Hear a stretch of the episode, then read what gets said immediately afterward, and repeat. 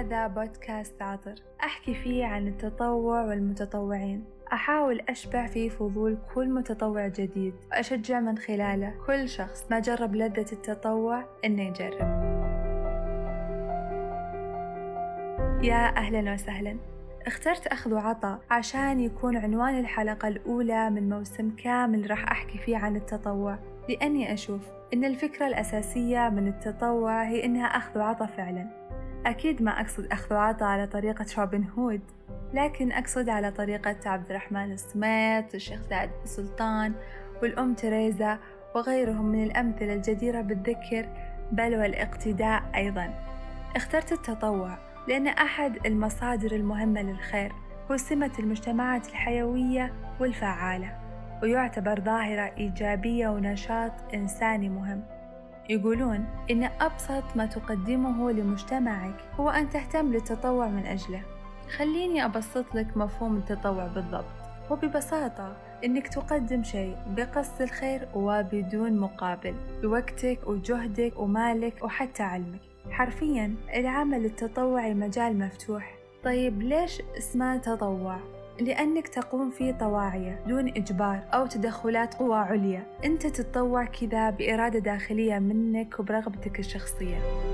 ممكن يخطر في بالك سؤال ما إذا كان التنظيم هو نفس التطوع بما أنهم يشتركون كونهم أفعال نابعة من رغبة شخصية وبقصد الخير ما أستغرب من عدم القدرة على التفريق بينهم بعض الأحيان. لكن في الحقيقة ترى بينهم فرق جوهري وهو أن التطوع يكون بدون مقابل مادي أما التنظيم يكون بمقابل مادي. وراح نحكي في حلقات قادمة إن شاء الله عن أضرار عدم التفريق بين التنظيم والتطوع وكيف ممكن بعض الجهات الربحية يستغلون مصطلح التطوع من أجل الاستفادة من الشباب والشابات في تيسير برامجهم الربحية وإنجاحها. يعني أن يقوم المتطوعين بأعمال المنظمين لكن دون مقابل مادي. وأنا أقول لك حتى لو التطوع فعل يصدر منك بإرادتك ورغبتك الشخصية إلا أن هذا ما يعني أنك مالك حقوق وعليك واجبات. غالبا ما يقع هذا اللبس على المتطوعين الجدد يمكن لقلة خبرتهم أو لأنهم يملكون مفاهيم خاطئة عن العمل التطوعي خلتهم أكثر عرضة للاستغلال.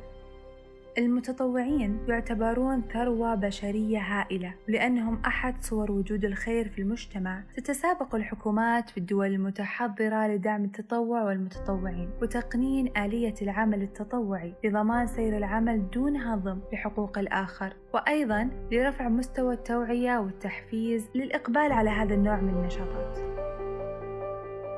حكومات مثل المملكة العربية السعودية والإمارات العربية المتحدة أعطت اهتمام كبير لهذا الموضوع عن طريق وضع المنصات الرسمية للتطوع أو من خلال دعم المبادرات الخاصة. وأثر هذا التشجيع كان واضح من خلال الإحصائيات اللي بيّنت تزايد عدد المتطوعين في عام 2019 والإنجازات الإنسانية اللي سجلت لهذه الدول في عام 2020 وبعد كل هذا اللي ذكرته هل لازم تتطوع؟